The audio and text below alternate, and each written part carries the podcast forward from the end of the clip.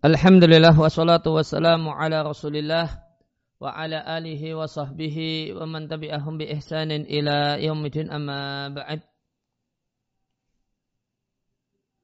Kaum muslimin dan muslimah rahimani wa rahimakumullah sebelum kita lanjutkan membaca mukhtasar ahadis siam karya Abdullah Al-Fauzan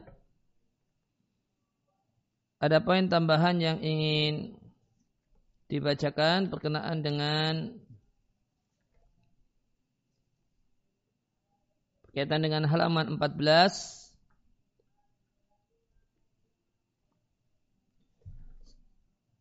setelah uh, penulis uh, membawakan hadis Nabi malam yada qaul zur wal amala bihi wal jahla sampaikan hadis ini dikeluarkan oleh Al-Bukhari kemudian di catatan kaki beliau mengatakan ungdur kalama Syekhul Islam Taimiyah ala ma'nahu fi minhaj sunnah. Silakan lihat dan baca perkataan Ibn Taimiyah tentang makna hadis ini di kitab Minhaj Sunnah Anabawiyah. Ya. Dengan melakukan saran yang beliau sampaikan, maka ya, uh, akan saya bacakan Perkataan Ibn Taimiyah di Minhaj Sunnah An-Nabawiyah. Dia katakan Bahasanya Nabi Shallallahu Alaihi Wasallam menjelaskan had, dalam hadis ini bahwasanya Allah Taala lam yuharim ala saimi al akla li hajatihi di dalam mengharamkan dan melarang orang yang berpuasa untuk makan karena Allah membutuhkan ila tarki ta'am syarab puasanya manusia dalam bentuk tidak makan dan minum. Sebagaimana seorang pemilik budak melarang budaknya untuk menikmati sebagian hartanya. Bal al-maqsudu namun yang dimaksudkan dari puasa yang dalam bentuk makan tidak makan dan minum adalah mahabbatullah adalah mendapatkan cintanya Allah wa husulut taqwa yaitu dengan menjadi orang yang bertakwa. Faidalam ya'ti bihi maka jika seorang yang berpuasa tidak bisa mewujudkan hal ini, fakat ada maka dia telah melakukan satu perbuatan yang bima laisa fihi mahabbatun wala. Tidak terdapat padanya cintanya Allah dan ridhanya Allah. Fala yuthabu alaihi maka dia tidaklah diberi pahala karena puasanya yang sekedar tidak makan dan minum walakin la yu'aqabu uqubat tariki akan tapi tidak diberi hukuman sebagaimana hukuman orang yang meninggalkan yang betul-betul meninggalkan puasa.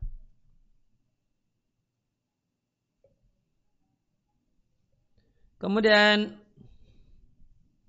kita lanjutkan di halaman 33 hadis yang ke-11 fi adabil iftari tentang ada berbuka puasa. Dari Sahal ibn Sa'ad radhiyallahu anhu Rasulullah sallallahu alaihi wasallam bersabda la yazalun nasu bi khairin ma ajjalul fitra. Muttafaqun alaihi. Manusia yaitu kaum muslimin senantiasa dalam kebaikan yang besar selama mereka menyegerakan berbuka. Maka di sini adalah salah satu dalil ada berbuka puasa, yaitu segera berbuka wal mubadaratu bihi menyegerakan berbuka ketika telah tiba waktunya. Yang dimaksud dengan segera buka puasa adalah Ya, bimujarati dengan semata-mata tenggelamnya bulatan matahari di ufuk barat, yuftir, ya, langsung berbuka. Wafidalika dalam hal ini terdapat kebaikan yang besar. Memintalika di antara adalah mengikuti petunjuk Nabi Shallallahu Alaihi Wasallam dan mengamalkan sunnahnya. Waqad kana salatullah wassalamu alaih maka dalam Nabi sallallahu alaihi wasallam yu'ajilul iftara menyegerakan berbuka Abdullah ibn Abi Aufa radhiallahu anhu mengatakan, kami bersama Rasulullah sallallahu alaihi wasallam fi safarin saat bepergian. Dan Nabi ketika itu berpuasa. Maka ini menunjukkan bahasanya ketika kondisi bepergian yang terbaik adalah tetap berpuasa. Ketika itu tidak ketika puasa dalam keadaan ini tidak merepotkan dan menyusahkan. Falamma maka tatkala ghabati syamsu matahari telah tenggelam Nabi berkata kepada salah satu ya, salah satu rombongan wahai fulan berdirilah fajdah lana artinya campurlah roti sawik dengan air lantas yang diperintah mengatakan yang mendapatkan perintah menyampaikan Ya Rasulullah, wahai Rasulullah, lau amsaita seandainya engkau uh, tambahkan malamnya. Maka Nabi katakan, turunlah yaitu dari untamu, fajdah lana. Siapkan buka dalam bentuk roti sawik dicampur dengan air. Kembali dia mengatakan, seandainya engkau tambahkan malamnya. Untuk ketiga kalinya Nabi katakan, Turun fajdah lana. Siapkan buka untuk kami. Kal ya, yang diminta mengatakan inna alaika naharan. Sungguhnya masih siang. Nabi kembali menegaskan turun. Ya, siapkan buka. Ya, ya, campur sawik dengan air. Fanazala maka Nabi turun kemudian maka orang tersebut kemudian turun dan menyiapkan buka untuk Nabi. Nabi lantas meminumnya kemudian mengatakan jika kalian lihat malam telah datang dari arah timur aftarasaimu maka telah tiba waktu berbuka bagi orang yang berpuasa. Maka hadis ini menunjukkan bahasanya malam itu masih bisa disebut dengan sebutan masa lau amsaita. Malam setelah tenggelamnya matahari itu masih bisa disebut dengan sebutan masa. Kemudian hadis ini dalil menunjukkan bahasanya ya, buka tidak harus dengan tamar, dengan korma. Maka Nabi secara khusus meminta untuk disiapkan buka dalam bentuk roti sawik dicampur dengan korma dengan air. Nabi tidak mengatakan mana kormanya mana mana kormanya gitu.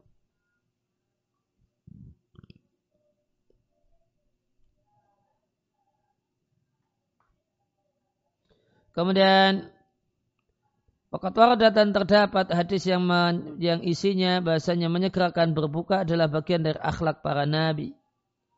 Sebagaimana perkataan sahabat Nabi Abu Darda radhiallahu anhu yang nama aslinya adalah Uwaimir. Salasun min akhlaqin nubuwati, tiga hal bagian dari akhlak kenabian.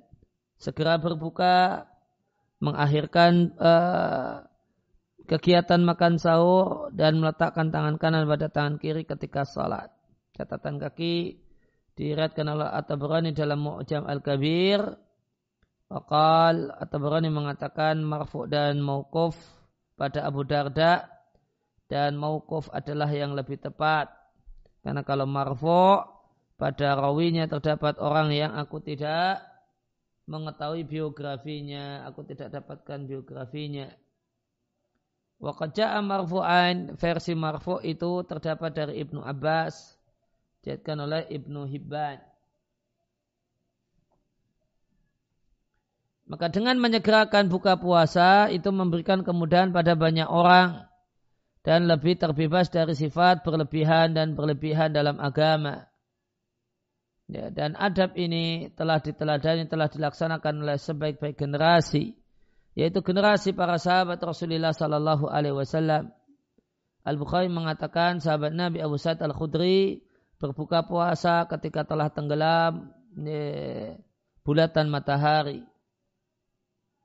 Ya, Amr bin Maimun al-Audi rahimahullah ta'ala mengatakan adalah para sahabat Rasulullah sallallahu alaihi wasallam orang yang paling segera berbuka puasa dan yang paling telat dan lamban untuk kegiatan makan sahur.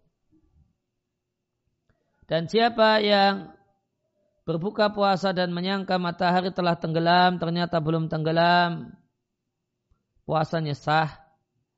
Ya, menurut penulis puasanya sah karena dia memiliki udur. Namun begitu tahu kalau matahari belum tenggelam, dia wajib imsak. Tidak boleh makan dan minum, tidak boleh makan sampai tenggelam matahari. Karena dia seperti orang yang makan dalam keadaan lupa dan orang yang lupa dan tidak sengaja hukumnya sama yaitu sebagaimana firman Allah taala Ya Rabbana la tu'akhidna inna sina au akhtana. Wahai Rabb kami, janganlah engkau hukum kami ini, karena apa yang kami lakukan ketika lupa atau salah tidak sengaja. Dan sepatutnya orang yang berpuasa memanfaatkan detik-detik buka puasa dan ini, dan waktu mustajabnya doa lantas dia berdoa dengan kebaikan yang dia inginkan. Karena orang yang berpuasa itu memiliki doa yang mustajab. Terdapat dari Abu Hurairah radhiallahu anhu Rasulullah Shallallahu Alaihi Wasallam bersabda, salah satu tiga jenis orang doanya tidak ditolak. Al imamu adil, pemimpin yang adil. Dan tidak ada keadilan tanpa menerapkan aturan-aturan Allah. Ini. Maka seorang pemimpin yang uh, tidak menerapkan aturan-aturan Allah bukan pemimpin yang adil. Innallah ya'mur bil adil. Karena Allah hanya memerintahkan untuk melakukan keadilan. Dan orang yang berpuasa ketika buka puasa dan doa orang yang terzolimi.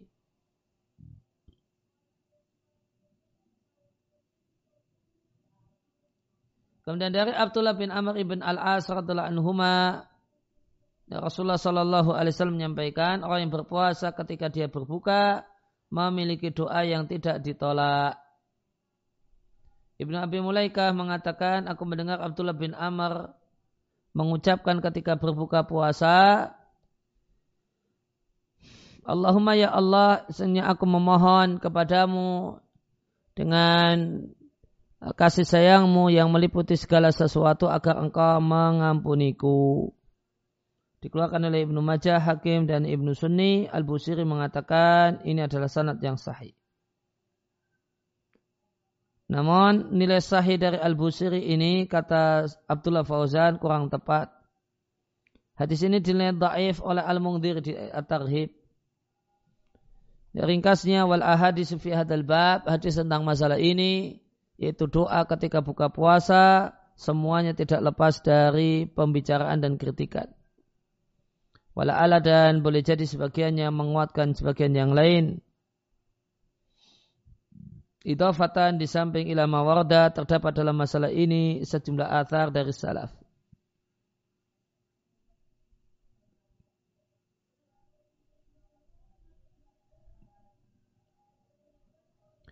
Nah, kemudian wamima ya, di semua hadis tentang masalah doa puasa itu sebenarnya bermasalah.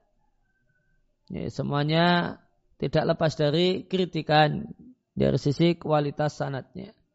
Wa mimma yustahabu di antara yang dianjurkan adalah mengucapkan ketika berbuka dengan hadis yang diatkan oleh Abdullah bin Umar radhiyallahu anhuma adalah Nabi Shallallahu alaihi wasallam ketika berbuka mengucapkan dabadhama'u wabtalatil uruku wa thabatal ajru insyaallah. Ya, dahaga telah hilang, urat basah dan ada pahala insya Allah. Catatan kaki Diatkan Abu Dawud, Bayhaqi Al-Hakim, Ibnu Sunni, Darukutni. Wakal Darukutni mengatakan Tafarda bi Al-Husain Ibn Waqid. Hadis ini bersendirian di riwayatkan oleh Al-Husain bin Waqid wa isnadu dan sanatnya Hasan. Hasan menurut Darukutni. Wal Husain hada Husain ini Al Husain bin Waqid ini adalah siqatun lahu auham. Rawi yang kredibel namun punya banyak kesalahan sebagaimana di takribut tahdib. Allah marzuqna ilman nafi'an wa amalan mutaqabbala wa rizqan tayyiban. Allahumma ajib doa'ana wa haqiq raja'ana. Ya, ya Allah kabulkan doa-doa kami. Allah wujudkanlah harapan-harapan kami. Waghfirlahumma lana wa liwalidina wa li jami'il muslimin. Kemudian hadis yang ke-12, ma yajib ala sa'imi tarkuhu, hal-hal yang wajib ditinggalkan oleh orang yang berpuasa. Dari Abu Hurairah radhiallahu anhu Rasulullah sallallahu alaihi wasallam bersabda, puasa itu seperti tameng. Maka janganlah berucap atau berbuat yang seronok. Jangan pula teriak-teriak dalam berat yang lainnya. Wala jahal. Jangan berbuat sebagaimana perbuatan orang yang bodoh. Orang yang bodoh. Dan jika ada seorang yang ngejaknya ya, qatalahu au syatamahu mengajaknya kelahi atau mencacinya, maka katakanlah ini saimun aku berpuasa. Dua kali, ya, ucapkan sebanyak dua kali mutafakun alaihi.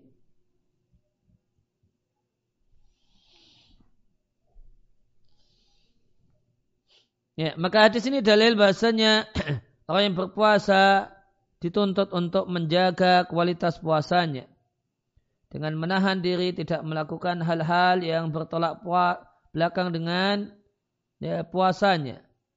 Yaitu dengan berhias dengan akhlak yang mulia. Wal bu'di dan jaga diri menjauh dari akhlak-akhlak yang jelek. Supaya puasa itu menghasilkan buahnya yang diharapkan. Wa alaihi dan berdampak ampunan yang dijanjikan dari Abu Hurairah radhiallahu anhu Rasulullah sallallahu alaihi wasallam bersabda, "Man yada' qaula zuri wal amala bihi wal jahla, falaysa lillahi hajatun fi ayada'a ta'ama wa syarabah." Siapa yang tidak meninggalkan ucapan haram dan perbuatan haram wal jala dan perbuatan yang dilakukan oleh orang yang bodoh, maka Allah tidaklah membutuhkan puasanya yang hanya berbentuk meninggalkan makanan dan tidak makan dan tidak minum. Kemudian sabda Nabi Asia mujunnatun puasa itu tameng. Wawama yujinuka. Ya, ya, junah adalah benda yang menutupi anda dan melindungi anda mimma takhafu dari hal-hal yang anda takutkan. Wal makna-makna hadis, puasa itu melindungi orangnya dari berbagai macam maksiat di dunia. Wa idza lahu junnah dan jika seorang itu memiliki tameng dari maksiat di dunia, maka di akhirat nanti dia akan memiliki tameng dari neraka. Nabi Wasallam menyampaikan puasa itu tameng seperti tameng salah satu kalian ketika perang. Maka hadis ini dalil bayin yang jelas tentang keutamaan puasa. Fala yarfus. Yarfus itu uh, faknya boleh didoma. Fala yarfus boleh juga dikasrah. Fala yarfith. Rafas baik roknya di fathah atau ka, uh, roknya di fathah dan faknya di fathah adalah perkataan yang jorok. Wa yutlaq al-al ifda Dan digunakan kata-kata rofas dalam pengertian ifda. Ifda itu sentuhan kulit dengan kulit secara langsung tanpa penghalang. Sehingga bisa maknanya jima dan maknanya al-mubasyarah sentuhan kulit dengan kulit ya, li syahwatin karena syahwat beraba-raba dan yang lainnya. Contohnya firman Allah Ta'ala dihalalkan bagi kalian malam-malam puasa untuk melakukan hubungan badan dengan istri kalian. Kesimpulannya banyak ulama yang menyimpulkan yang dimaksud dengan fala yarfus dalam hadis ini adalah al-fuhsyu wa radiul kalami. Adalah perkataan yang seronok dan perkataan yang jelek. Wallahu a'lam wala yaskhab khoknya yang bertitik itu di fathah sakhab adalah e, teriak wadojah dan gaduh waktilatul aswat dan uh, suara yang campur bau tidak jelas. Kemudian wala ya jahal, jahal di sini yang dimaksudkan adalah kebalikan dari hilm, sikap tenang, tidak mudah marah. Sehingga wala ya jahal artinya tidak boleh melakukan uh, sesuatu yang merupakan perbuatan orang yang bodoh. Kasiah semacam teriak-teriak, wasafa perbuatan orang yang kurang akal dan semacam itu. Jika ada yang ngejak, menca, uh, ngejak mencaci, maka katakanlah aku puasa. Artinya jika ada seseorang yang mengajaknya ribut atau mengajaknya tengkar atau mencacinya, maka jangan sikapi dia dengan semisal perbuatannya. Namun katakanlah aku berpuasa, la'alau boleh jadi pertengkarannya itu jadi terhenti, boleh jadi lawannya itu terhenti untuk mengajaknya kelahi dan mencacinya Ida alimu, ida alima jika kawannya atau lawannya itu tahu, bahasanya dia tidak akan membela diri, likau nisa'ima karena dia berpuasa. Karena uh, puasa yang diterima, yang betul-betul diterima adalah ya, adalah puasanya anggota badan dari dosa, puasanya lidah dari bohong dan ucapan kotor, puasanya perut dari makanan dan minuman, dan puasanya farji dari rofas ya, uh, hubungan biologis dan uh, mencumbu wanita. Maka puasa adalah sekolah madrasatun tarbawiyatun, sekolah tempat edukasi. Sekolah ini mengajarkan al-hilm, sikap lembut, tidak mudah marah, mengajarkan sabar, mengajarkan jujur, dan memotivasi untuk melakukan akhlak-akhlak mulia, ucapan yang fadail, ucapan yang istimewa dan perbuatan yang istimewa. Orang yang berpuasa tidak teriak-teriak, tidak melakukan hal-hal yang sia-sia, tidak marah-marah. Ya, padahal bisa tidak marah. Tidak mengucapkan ucapan dusta, walayakulu zuran, tidak mengucapkan ucapan haram, bahkan ucapannya adalah zikir, diamnya adalah berfikir, dan sungguh waktu orang yang berpuasa itu terlalu mahal dan mahal untuk dihabiskan dalam hal-hal yang membinasakan. Alat itu tu'asir ala sabisiam yang ini memiliki dampak pada pahala puasa dan atau bahkan menghilangkan hakikat puasa wallahu a'lam. Allahumma hdina subul salam wa najina minadh dhulumati ila nur wa janibna al-fawahisha ma dhara minha wa ma batan wa barik lana fi asma'ina wa absarina wa quwwatina wa azwajina wa auladina wa amlali wa amwalina wa liwalidina wa li jami'il muslimin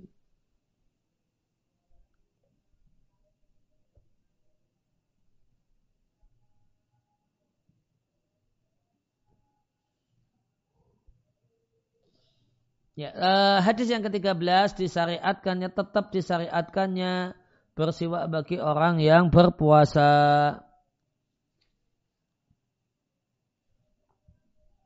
Dari Abu Hurairah radhiallahu anhu Nabi Shallallahu alaihi wasallam bersabda, Seandainya bukalah memberatkan umatku, niscaya akan aku perintahkan mereka, yaitu perintah wajib, untuk bersiwak, bersiwak ketika kali, setiap kali hendak salat.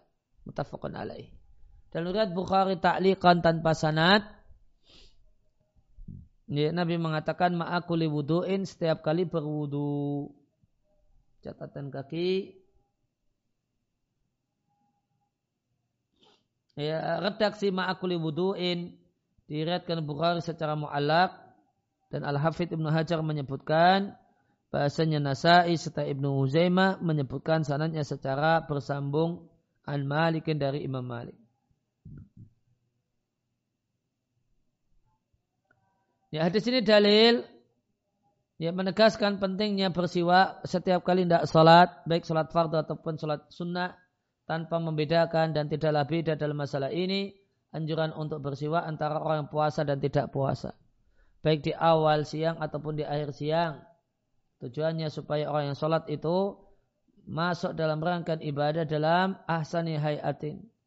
penampilan yang paling baik dan bau dalam hal ini bau mulut yang paling wangi.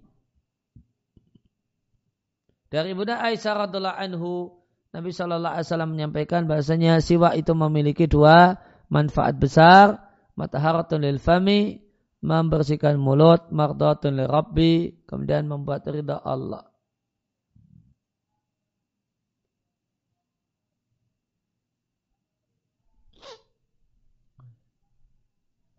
Dalam hadis ini terdapat uh, faedah bahasanya terkadang kata-kata toharah dalam bahasa syariat maknanya adalah kebersihan. Contohnya mataharatun lil fami.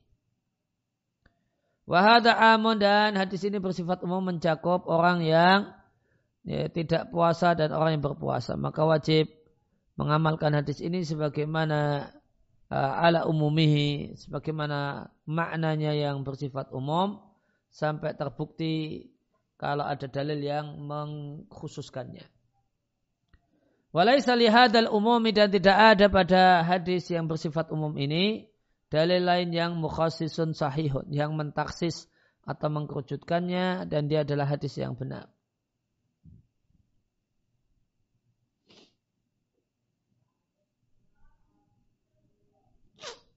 Ibnu Arabi Al-Maliki rahimahullah taala menyampaikan para ulama kami mengatakan tidaklah sahih tentang siwaknya orang yang berpuasa satu pun hadis baik hadis yang melarang bersiwak ataupun hadis yang menganjurkan secara bersiwak secara khusus. Yang ada Nabi Shallallahu Alaihi Wasallam hadda alaihi mendorong untuk bersiwak setiap kali tidak berwudu dan eh, setiap kali berwudu dan setiap kali salat mutlakan tanpa Nabi memberi rincian artinya tanpa Nabi bedakan antara yang puasa dan tidak puasa dan Nabi anjurkan pada hari Jumat untuk bersiwak dan Nabi tidak bedakan antara yang berpuasa dan tidak puasa. Dan telah kami sampaikan 10 manfaat bersiwak uh, fitohara dalam berbuka, uh, ketika berwudu dan puasa lebih berhak mendapatkan 10 hal itu. Sehingga pendapat yang mengatakan tetap dianjurkan bersiwak bagi orang yang berpuasa adalah pendapat yang lebih kuat dalam masalah ini. Syekhul Islam Taimiyah rahimahullah taala mengatakan tidaklah terdapat ke, uh, tentang hukum kemakruhan bersiwak setelah matahari geser ke barat tidak terdapat dalil syar'i yang layak untuk mentaksis yeah, nas yeah, umumatin nususis siwak ya, nas atau hadis-hadis tentang bersiwak yang bersifat memiliki sifat umum atau general. Nah, ulama yang mengatakan makruhnya bersiwak bagi orang yang puasa setelah matahari geser ke barat, dan ini madhab syafi'i dan uh, hambali. Mereka berdalil dengan hadis Ali radhiallahu anhu bahasanya Nabi Shallallahu alaihi wasallam bersabda, jika kalian berpuasa maka bersiwaklah di pagi hari, jangan bersiwak di sore hari. Wal asyiyu adalah akhir siang dari zawal, dari geser matahari ke barat sampai tenggelamnya matahari. Non hadis ini adalah hadis yang taif. La takum hujatun tidak bisa uh, tegak uh, tidak bisa dijadikan sebagai hujah. Tadi hadis idza sumta fastaku bil ghadati dikeluarkan oleh Darqutni dan Baihaqi dari jalur Kaisan dari Yazid bin Bilal dari Ali mauqufan mauquf perkataan Ali.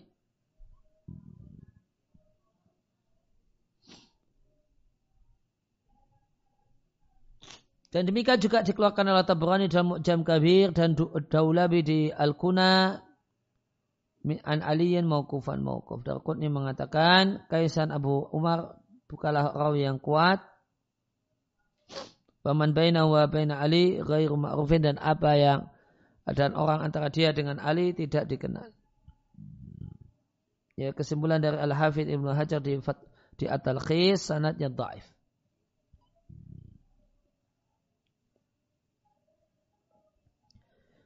Ya, kemudian sebagaimana mereka berdalil dengan hadis Abu Hurairah radhiallahu yang telah lewat yaitu bau tidak sedap mulut orang yang berpuasa lebih wangi di sisi Allah daripada wangi kasturi. Sisi pendalilannya khuluf khaknya di dhamma adalah bau tidak sedap yang ada pada mulut ketika ma'id khuluwil ma'idah lambung itu kosong dari makanan. Dan ini tidaklah nampak umumnya kecuali di akhir siang. Maka jika hal itu dicintai oleh Allah, berarti itu terpuji secara syariat karena dia muncul dari ketaatan. bari an yuzala, maka sepatutnya tidak dihilangkan dengan bersiwak.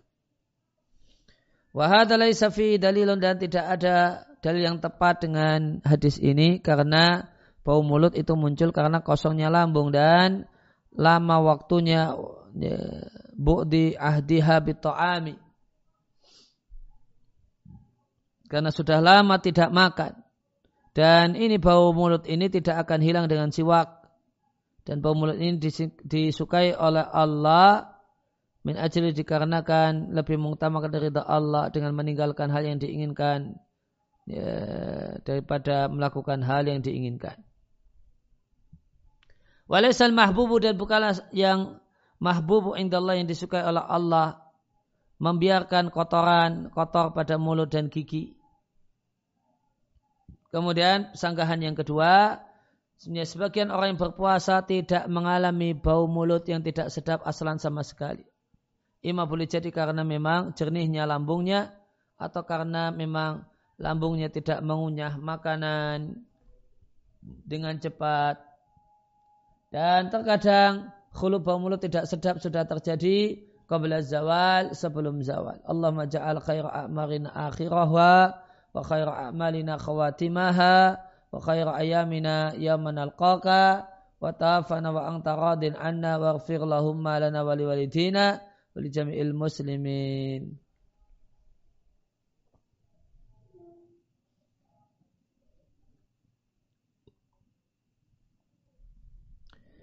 Ya, hadis yang ke-14 dampak muntah bagi orang yang berpuasa. Dari Abu Hurairah radhiallahu anhu Rasulullah sallallahu alaihi wasallam bersabda, siapa yang terdorong untuk muntah maka dia tidak memiliki kewajiban qada dan siapa yang berupaya untuk muntah fal yaqdi hendaklah dia mengqada. Diatkanlah Abu Dawud, Tirmidzi, Ibnu Majah dan Ahmad dan para perawinya rawi yang thiqah. Meskipun kesimpulan hadisnya masih ya dinilai bermasalah di catatan kaki dikeluarkan Abu Dawud, Tirmidzi, Ibnu Majah, Ahmad dan Hakim dari jalur Isa ibn Yunus hadasana Hisham ibn Hasan an Muhammad ibn Sirin an Abi Hurairah. Wa isnadu dan sanatnya sahih menurut syarat Muslim. Darqutni mengatakan para perawinya seluruhnya thiqah. Jadi perawinya thiqah itu perkataan Darqutni. Akan tapi dinilai dia dinilai memiliki cacat tersembunyi. Dinilai cacat oleh Ahmad, Bukhari, Darimi, Abu Dawud, Tirmidzi dan yang lainnya. Mereka mengatakan redaksi ini tidak benar. Karena Abu Hurairah berfatwa dengan berbeda dengan isi hadis ini. Dan jelas bahasanya kalimat dari Darqutni perawinya siqa tidak berarti hadisnya sahih. Ya, kembali ke uh, maka penjelasannya hadis ini dalil orang yang berpuasa jika dia taqayya taqayya berupaya untuk muntah mustada'iyan lil qai'i mendorong dirinya untuk muntah maka batal puasanya. Dia punya kewajiban untuk mengkodok dan ini pendapat mayoritas para ulama. Adapun jika terdorong untuk muntah dan keluar tanpa keinginannya maka puasanya sah dan tidak ada kewajiban apa pun atas dirinya. Al-Khattabi Asyafi'i mengatakan, aku tidak mau tidak perselisihan di antara para ulama dalam masalah ini. Ibnu Qudamah Al-Hambali mengatakan ini adalah perkataan mayoritas ulama. Dan di antara hal yang menyebabkan muntah adalah habis makan kemudian sikat gigi. Nah itu bisa mendorong untuk terjadinya muntah. Istaqa'a artinya tasababa melakukan sebab untuk keluarnya muntahan secara sengaja. Dara'ahu dikalahkan dan sabakahu didahului fil khuruji keluarnya muntahan. Maka jika seorang itu berupaya untuk muntah secara sengaja, aftara puasanya batal. Baik muntahan itu sedikit ataupun banyak berdasarkan zahir hadis. Dan karena pembatal-pembatal puasa yang lainnya tidaklah di, tidak ada beda antara kadarnya sedikit ataukah banyak. Al-Muwafaq Ibnu Qudam Al-Hambali mengatakan tidak ada perbedaan antara muntahan itu berupa makanan uh, atau muraron ya lewati dulu atau balghaman atau daha atau darah atau yang lainnya Lianal jami karena semuanya termasuk dalam redaksi hadis yang bersifat umum. Allah Ta'ala a'lam bisawab.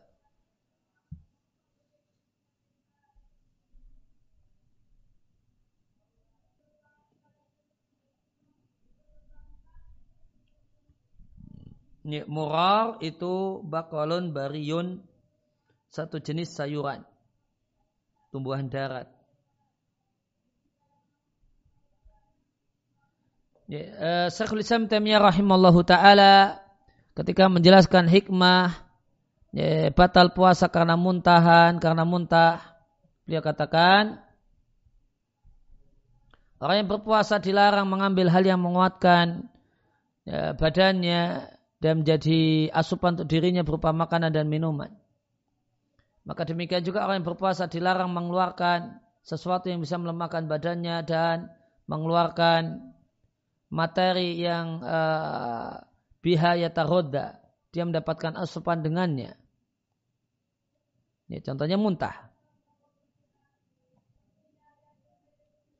Ya wa ila faida mukina min hada darahu.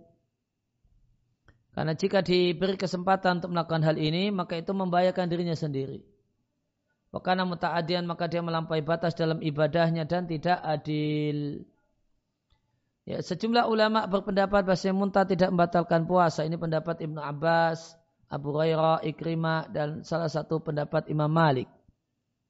Dan ini adalah kemungkinan yang lebih mendekati yang menjadi pilihan Al-Bukhari. Rahimahumullahu. Alasannya karena tidak sahih dari Nabi Shallallahu Alaihi Wasallam satupun hadis tentang hal ini. Padahal kaik muntahan adalah mimata mobil balwa adalah masalah yang uh, ya, yang luas terjadi di mana-mana.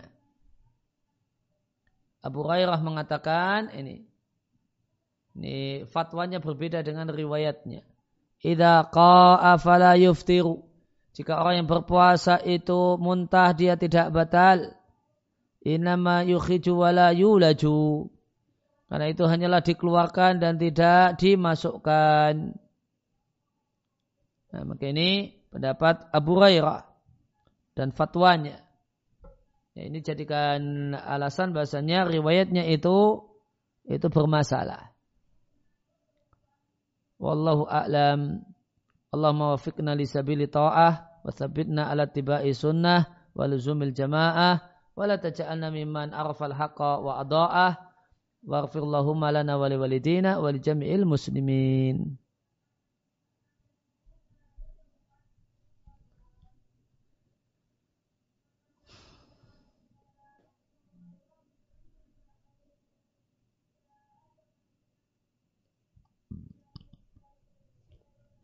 Ya, kemudian hadis yang ke-15 hukum uh, al-jima hubungan biologis di siang hari Ramadan dari Abu Hurairah radhiallahu anhu dari Rasulullah sallallahu alaihi wasallam ya, beliau didatang oleh seseorang dan mengatakan wahai Rasulullah aku binasa. Artinya dia tahu kalau salah. Maka Nabi bertanya apa yang membuatmu binasa?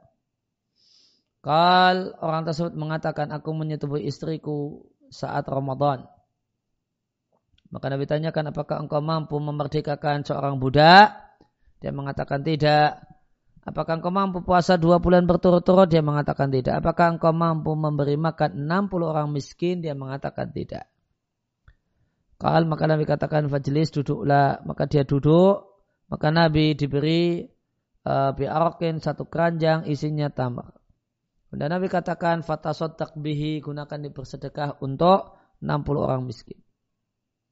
Orang tersebut mengatakan tidak ada di antara dua labah ini ya, bat, dua batu hitam atau uh, rangkaian batu hitam yang menjadi pembatas kota Madinah. Ah, tidak ada di antara di, di antara dua kota ini satupun yang lebih miskin daripada kami. Maka Rasulullah Sallallahu Alaihi Wasallam tertawa sehingga terlihatlah gigi taring beliau. Kemudian Nabi katakan, ambillah, berilah makan untuk keluargamu mutafakun alaihi. Hadis ini dalil besarnya dosa hubungan biologis yang dilakukan oleh orang yang berpuasa di siang hari Ramadan.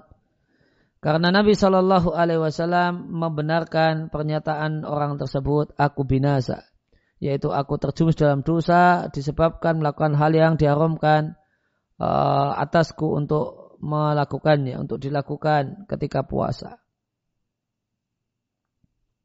Dalam hadis Abu Hurairah orang tersebut mengatakan ihtarok tu aku terbakar.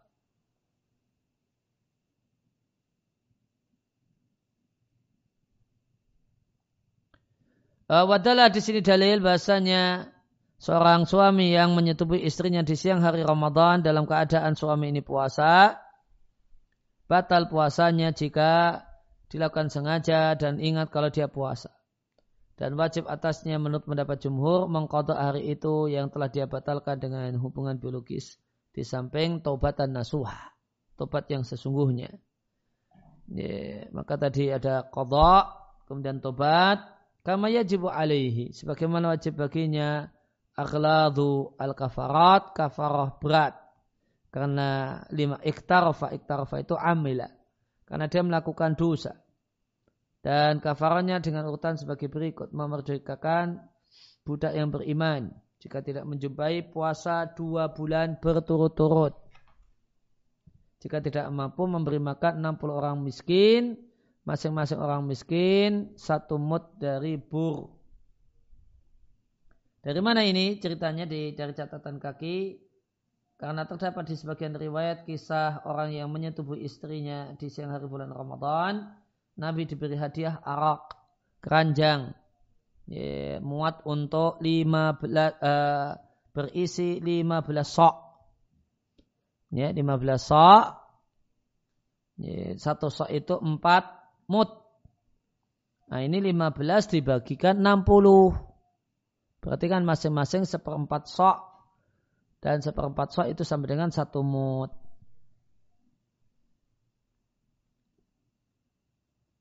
Nah, dan ini bur minauil jayid, gandum yang bagus. Dan ukuran satu mot kurang lebih 565 gram. Wayu jizik dan bisa digantikan dengan beras dan uh, makanan pokok yang dominan di satu negeri. Yang dominan. Yang paling banyak jika di negeri tersebut ada beberapa makanan pokok. Namun jika seorang laki-laki menyetubuhi istrinya dalam kondisi lupa kalau puasa dan dua-duanya lupa, puasanya sah menurut pendapat yang paling kuat dari dua pendapat ulama dalam masalah ini. Tidak ada kewajiban kodok, tidak pula kafarah. Al-Bukhari mengutip perkataan Al-Hasan, Al-Basri dan Mujahid. Jika menyetubuhinya dalam kondaan lupa, tidak ada kewajiban apa pun atasnya. Demikian juga seandainya seorang suami menyetubuh istrinya saat uh, terbit fajar dengan keyakinan masih malam. Kemudian tabayyana lahu jelas baginya bahasanya fajar telah muncul. Maka tidak ada kewajiban qadha, tidak pula kafara menurut pendapat yang paling kuat dari sejumlah pendapat ulama. Ibnu Taimiyah rahimahullah taala mengatakan pendapatnya adalah pendapat yang paling kuat dan yang paling mendekati dengan kaidah-kaidah syariat dan dalil Al-Quran dan Sunnah. Dan itulah yang sesuai dengan kias kalau menurut kaidahnya Imam Ahmad dan yang lainnya. Karena Allah menghilangkan hukuman dari orang yang lupa dan tidak sengaja. Dan ini orang yang tidak sengaja. Dan Allah membolehkan makan dan hubungan biologi sampai jelas ya, benang putih dari benang hitam yaitu terbitnya fajar. Maka siapa yang melakukan hal yang dianjurkan atau hal yang mubah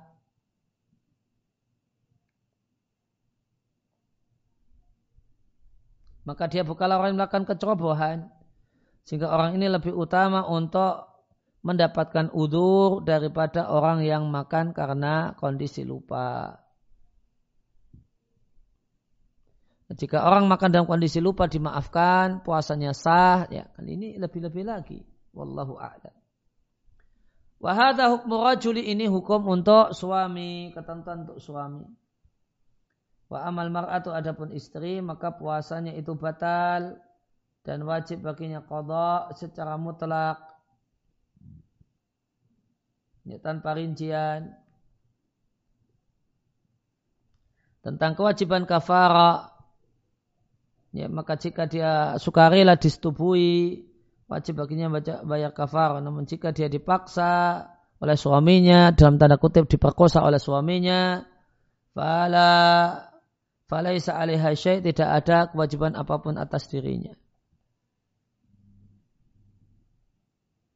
Nah, seandainya seorang suami itu menyetubui istrinya saat kodok Ramadan, ingat bukan Ramadan namun kodok puasa Ramadan puasanya batal, punya kewajiban kodok ditambah tobat, namun tidak ada kafar. Perhatikan di anal kafar takhasatun fi jima'i nahari ramadana.